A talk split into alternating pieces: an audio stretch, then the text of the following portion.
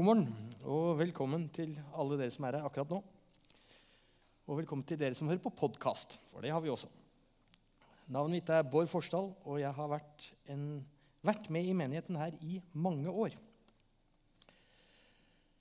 Vi er midt inne i en taleserie nå som heter 'Tro, sende, plante'. Og det er eh, Misjonskirken Norge sin strategiplan fram til 2030.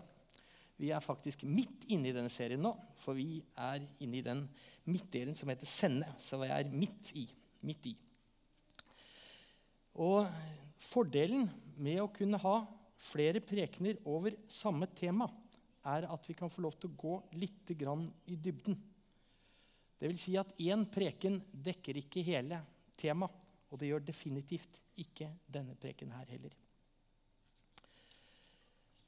Og Dersom du leter i prekenarkivet på nettsida vår, så vil du se at vi begynte for fire prekener siden med 'sende'. Og Dersom du ikke har hørt de prekene, så er de vel verdt å høre på. Bare én liten advarsel. Jeg vet at Pastoren vår Ellen Merete sier at serien heter 'Sendt', men det riktige er faktisk 'Sende'. Det er kanskje en sånn dialektting. Så det er en skarrer eller noe sånt. Men det heter altså 'Å sende' eller 'sende'. Og Jeg har lyst til å begynne med selve grunnlaget for at vi er her i dag. Selve grunnfjellet av argumenter for at kristne samles over hele verden. Johannes det var en av disiplene til Jesus da han var her på jorda. Og Johannes skrev ned historien om Jesus i evangeliet sitt, som da har fått navnet Evangeliet etter Johannes. Han var en godt voksen mann da han skrev det ned, og han hadde tenkt nøye om hva han skulle skrive. Og I det avsnittet der han forklarer hvorfor Jesus kom, så skriver han for så høyt har Gud elsket verden, at han ga sin sønn, den enbårne, for at hver den som tror på ham, ikke skal gå fortapt, men ha evig liv. Gud sendte ikke sin sønn til verden for å dømme verden, men for at verden skulle bli frelst ved ham. Og For å sette det hele i sammenheng med dagens tema så vil jeg lese et vers til hos Johannes det er eh, når Jesus snakker til disiplene sine bare noen få timer før han blir arrestert for å korsfestes. Og Da sier han, 'Som du har sendt meg til verden, har jeg sendt dem til verden'. Ja. Det var da fælt, da. Jo, unnskyld. Hva sa du? Jeg fikk hjelp der bak. Eh, grunnen til at vi eh, Ja, se der, vet du. Nå falt jeg litt ut av det. Men, men. Eh, grunnen til at vi samles er da, her, er på grunn av det Jesus gjorde. Han kom til jorda og lagde en vei til Gud. En vei fra Gud til oss. Jesus ble sendt til oss for å få gjort det i stand. Og så har han gitt oppdraget videre til oss alle sammen. Hver generasjon, for å si det videre. Da Jesus kom til jorda, så kom han som et menneske. Ikke som en mail, Zoom eller tweet. Han kom som et menneske. Og det er bare andre mennesker som kan nå inn til mennesker. Gud har valgt å bruke oss mennesker til å bringe ordet om at Gud elsker alle menneskene i verden og har åpnet veien til Gud. Og når dette faktisk gjelder alle mennesker, så gjelder det både deg og meg. Men hva betyr det så å sende, og hva betyr det for mitt liv? Et annet ord for sende er misjon. Og Det setter i hvert fall i gang en hel masse tanker hos meg. Reise langt bort, forlate familie, venner, begynne med noe helt nytt og totalt ukjent for meg. Og umiddelbart så tenker jeg at det der er ikke noe for meg. Det der er for noen andre. Noen som er skrudd sammen litt annerledes enn meg.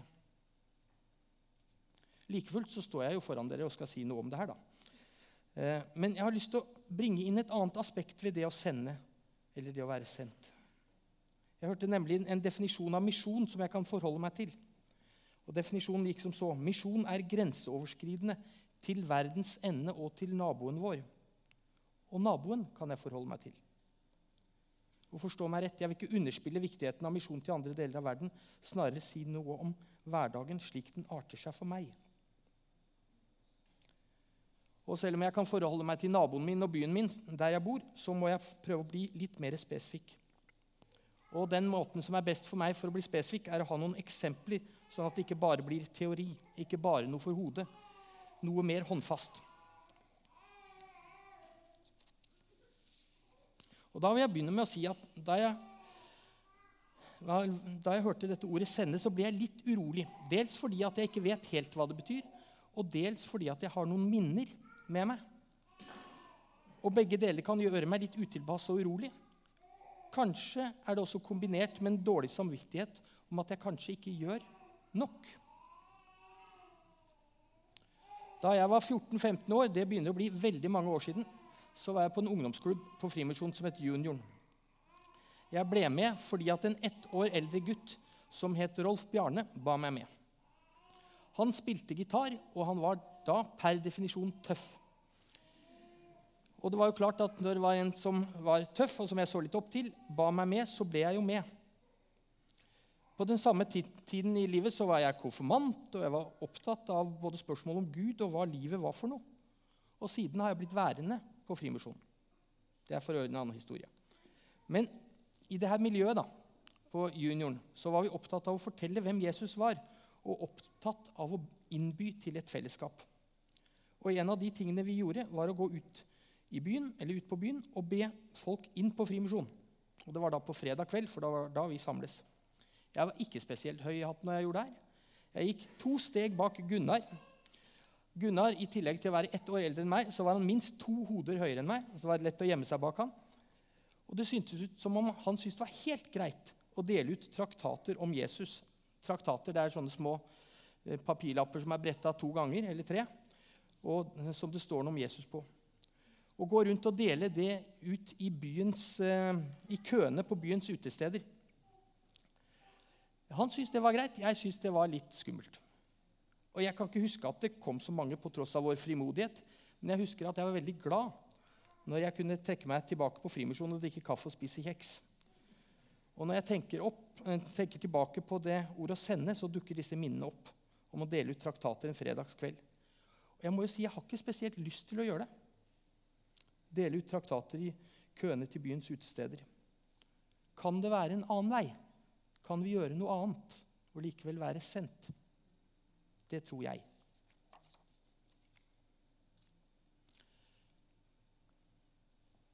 Kan det være å være sendt av Jesus kan det starte med noe så enkelt som å si 'god dag'? Jeg vil fortelle en historie som jeg tror eh, bekrefter det.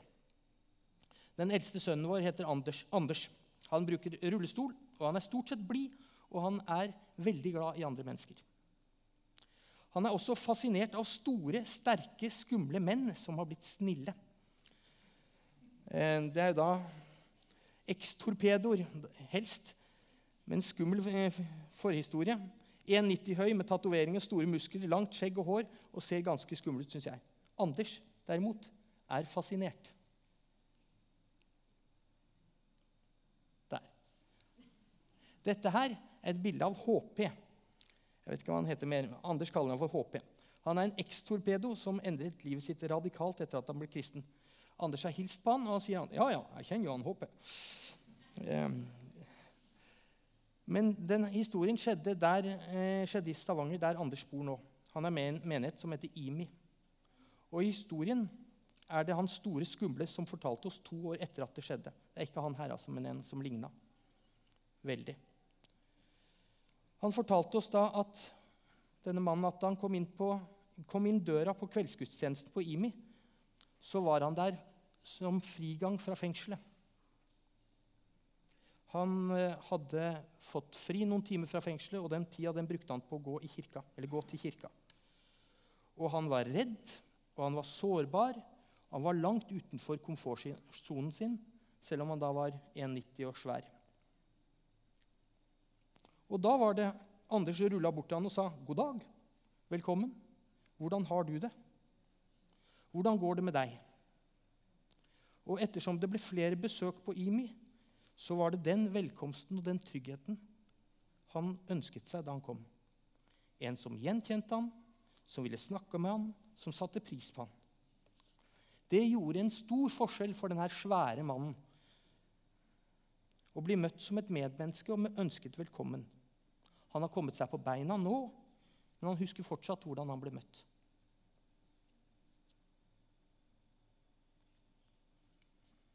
En av de siste keiserne i Roma han het Julian. Han var bekymret over at så mange mennesker vendte seg til kristendommen og bekjente Jesus. Og Han startet da en kampanje for å revitalisere den gamle hedenske gudedyrkelsen. Og Han skrev til en av høyesteprestene i et hedensk tempel i Galatia i Tyrkia i år 362 etter Kristus. Og Dette er da bevart som brev. Det han skriver, er det er skammelig at de ugudelige kristne tar vare på våre fattige i tillegg til sine egne. Alle kan se at de som er av samme religion som oss, har behov for hjelp fra oss. Altså Det var den kristne medfølelsen som gjorde at budskapet om Jesus ble interessant.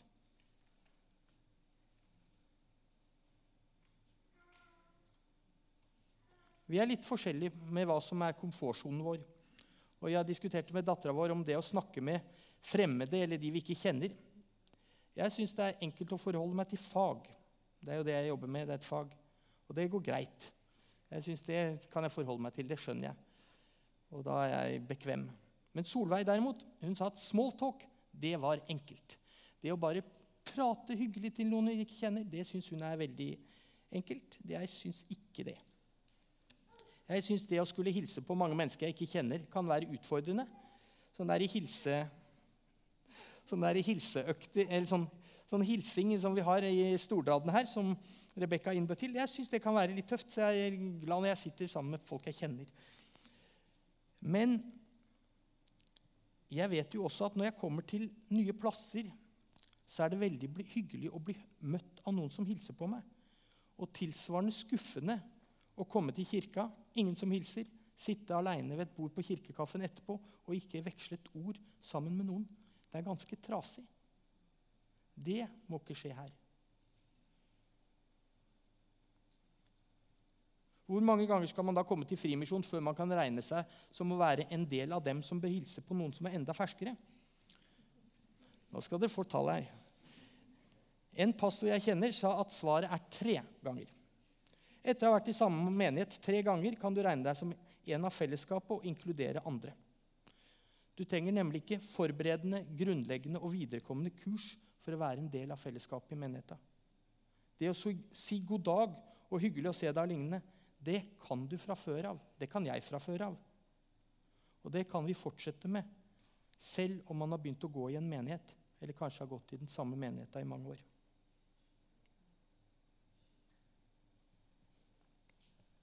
I en av talene Ellen Merete, pastoren vår igjen da, holdt om temaet vårt i dag, sende, så leste hun fra evangeliet etter Lukas kapittel 10 om at Jesus sender ut disipler. Og Der står det i vers 1.: Siden utpekte Herren 72 andre og sendte dem foran seg, to og to, til hver by og hvert sted, som han selv skulle besøke. De ble ikke sendt hvor som helst, men dit Jesus selv skulle besøke. Det er dit også vi er sendt, dit Jesus skal eller allerede er. De fleste av oss lever jo et liv med en hverdag allerede. Det vil si, vi har flest hverdager.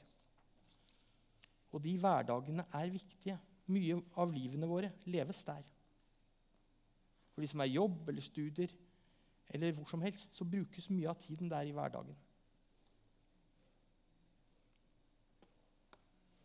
Jeg husker en gang eh, for mange år siden på jobben min så kom ei mor med barnet sitt på, til barneavdelinga. Barnet var sykt, og moren var fortvilet. Og På den eh, tiden så brukte jeg sykehusfrakk. En stor, romslig en med dype lommer.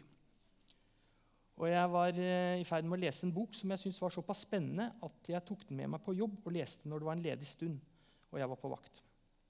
Boka heter 'Nådens gåte' av Philip Yancy, og den kan virkelig anbefales. Jeg visste jo ikke da at hun så denne boka som stakk opp fra frakkelomma mi. Det var noe hun fortalte meg mange år seinere.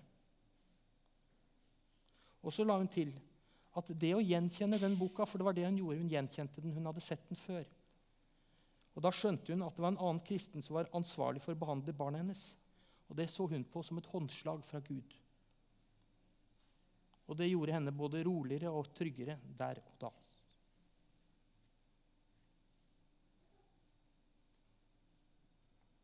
Jeg vet ikke helt hva som er mest betydningsfullt for deg når det nå gjelder det å komme til tro på Jesus eller det å fortsette livet som kristen. For noen kan det være en dato en hendelse som er avgjørende, og det er jo bra. Det er jeg glad for. For andre dreier det seg om en prosess. Det er mange små drypp på veien som forbereder grunnen til å følge Jesus som Herre og Frelser. Kanskje det til og med kan være noe så enkelt som å be noen hjem på kveldsmat eller middag. De fleste av oss har vel plass til noen til rundt matbordet, og som regel så er det ganske hyggelig. Kanskje det kan være en måte å vise Kristi omsorg for hverandre på. Datteren vår Solveig hun studerer ikke i Tromsø, hun studerer utenbys. Og hun har etterlyst nettopp det i den byen der hun studerer. Hvorfor kan de ikke bare invitere oss på middag? spør hun.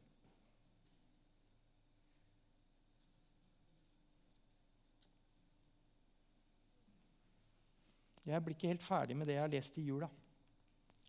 Vismennene har jeg tenkt en hel del på. Og så har jeg oppdaga noe nytt som jeg ikke har tenkt på før. Min forestilling om vismennene er kanskje litt preget av julekort, sånn som det er. Tre turbankledde, kamelridende menn som titter opp på himmelen og ser en stjerne et foran seg. Og så har jeg sett for meg at de har omtrent denne stjerna som en himmelsk GPS.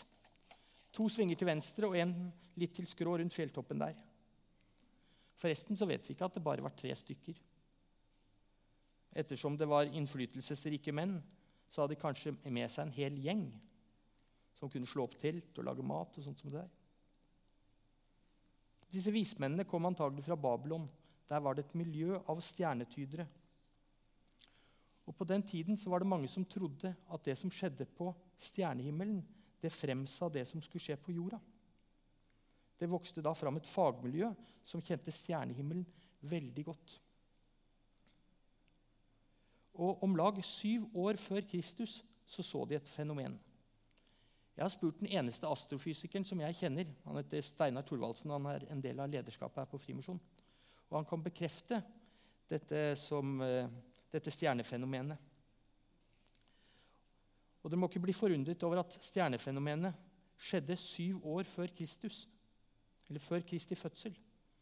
Plasseringen av år null i vår tidsregning kom av en svært glup munk omkring år 500, satt og regnet tilbake til da Jesus ble født. Det var en så viktig hendelse at Jesus ble født, at han mente at vi burde ha en tidsregning relatert til Kristi fødsel. Og at han regner feil med sju år, det syns jeg er helt innafor. Det vil i så måte bety at jeg straks er pensjonist. Det har jeg ikke tenkt på før. Dette fenomenet da, det, disse, eh, det er to planeter som legger seg over hverandre. og Det var planetene Saturn og Jupiter. Og Stjernetyderen i Babylon hadde definert at Jupiter det var kongestjernen, og Saturn var stjernen for Israel. Og Da var resonnementet enkelt. De så på stjernehimmelen at det skulle fødes en konge i Israel. Og siden det ble vist på stjernehimmelen, så måtte det ha en stor betydning. Og hva er, annet, hva er viktig da? Jo, da må man få gode forbindelser til noen som er så viktig at de vises på stjernehimmelen. Så da reiste de ut med Jerusalem som mål. For en konge fødes vanligvis i en hovedstad. De hadde ingen himmelsk GPS, de hadde fått en retning de skulle reise i.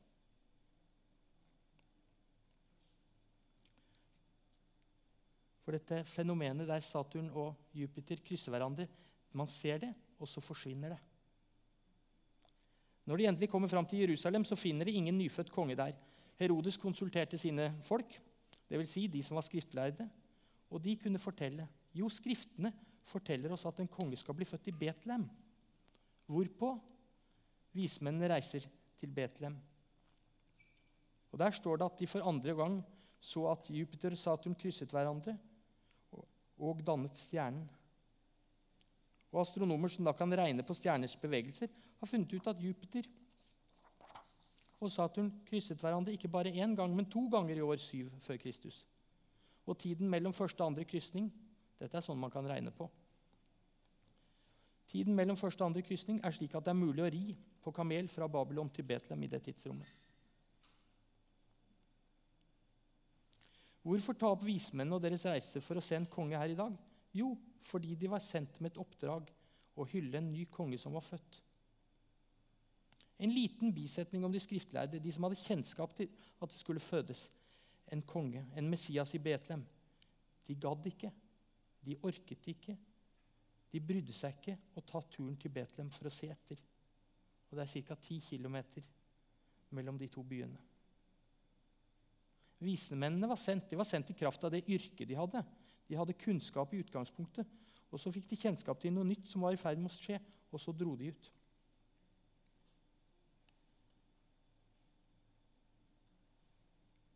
Jeg hadde gleden av å få være med på fellesmøtet på Frimisjonen på onsdag. Da var det fullt her i kirkesalen, og en som het Øystein Gjerme holdt en tale som var meget bra. Et av poengene som jeg tok med meg, var at i møte med andre kristne så vil ofte diskusjoner om konfliktlinjer i kristen tro ikke føre til noen forandring, bare mer diskusjon.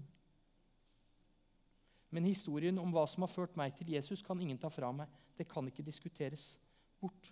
Og Det er kanskje et bedre sted å begynne når vi snakker med noen om kristen tro.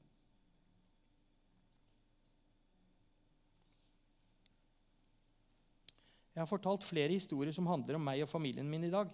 Ikke fordi det er så veldig spesielle historier, men det er fordi det er de historiene jeg kan. Og Jeg har fortalt også at det er noen ting som jeg ikke syns er så bekvemme. Andre ting faller meg lettere. Eksempel. Dersom jeg kan skjule meg bak en gitar, så kan jeg gjerne synge sanger om Jesus som betyr veldig mye for meg. Det koster meg ikke så mye. En av de gangene jeg gjorde det, var på jobb. Og det ble til en veldig spesiell stund. Jeg hadde tatt med meg gitaren på en sånn jobbtur der halve avdelinga var, eh, var, på eh, Hurtigruta for å snakke sammen og for å bli bedre medarbeidere. og ja, Sånt som man av og til må gjøre på en avdeling. Så ba de meg om å synge en sang, siden jeg hadde med meg gitaren. Og så sang jeg 'Velsignelsen' i Oslo Gospelskor sin versjon. Det er en helt fantastisk tekst. Og det betydde mye for meg å få lov til å synge den utover arbeidskollegene mine. Og det ble en helt spesiell avslutning på turen for flere enn meg. Og det var et øyeblikks innskytelse at jeg valgte, eller våget om du vil, å ta frem den sangen. Jeg tror nemlig at Gud sender oss der vi er, med de evnene vi har. Studiestedet vi er flytta til, den jobben vi står i, det nabolaget vi bor i, de interessene vi har, og det som opptar oss der vi møter andre mennesker. Og sammen så kan vi få lov til å løfte fram de gode nyhetene om at Jesus er kommet, at Gud er kommet nær. For hvis ikke vi lar oss sende, hvem skal da gå? Det er vi som har fått utfordringen.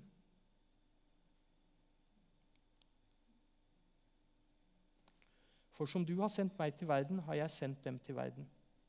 Vi har fått lov til å gå med beskjed. Er det slik at Jesus ikke ville blitt født dersom ikke vismennene hadde kommet? Ja, han hadde jo blitt født. At vismennene kom eller ikke kom, hadde ikke noe å si for det faktum at han ble født. Kanskje det derimot hadde noe å si for Maria og Josef. Nok en bekreftelse på at de var på rett sted. Lukas har nemlig skrevet ned i eh, juleevangeliet. Eller det vi kaller for juleevangeliet. Og I kapittel 2, vers 19 så skriver han at Men Maria tok vare på alt som ble sagt, og grunnet på det i sitt hjerte. Så kanskje var det besøket mer for Maria og Josef enn det var for Jesus. det besøket der. Hva hadde skjedd om Rolf Bjarne ikke hadde bedt meg med på junioren? Det vet jeg ikke. Jeg trodde på Jesus som Guds sønn før jeg kom til Frimisjon, så jeg hadde vel kanskje fortsatt vært en kristen. Men det er definitivt ikke sikkert at jeg hadde vært på Frimisjon i dag.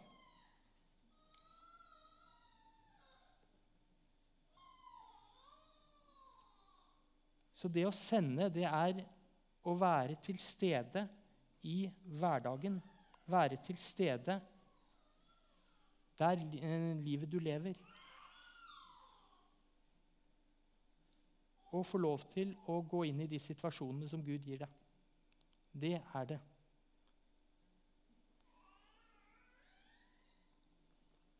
Tenk ikke for smått om å være sendt der du er. Skal vi be.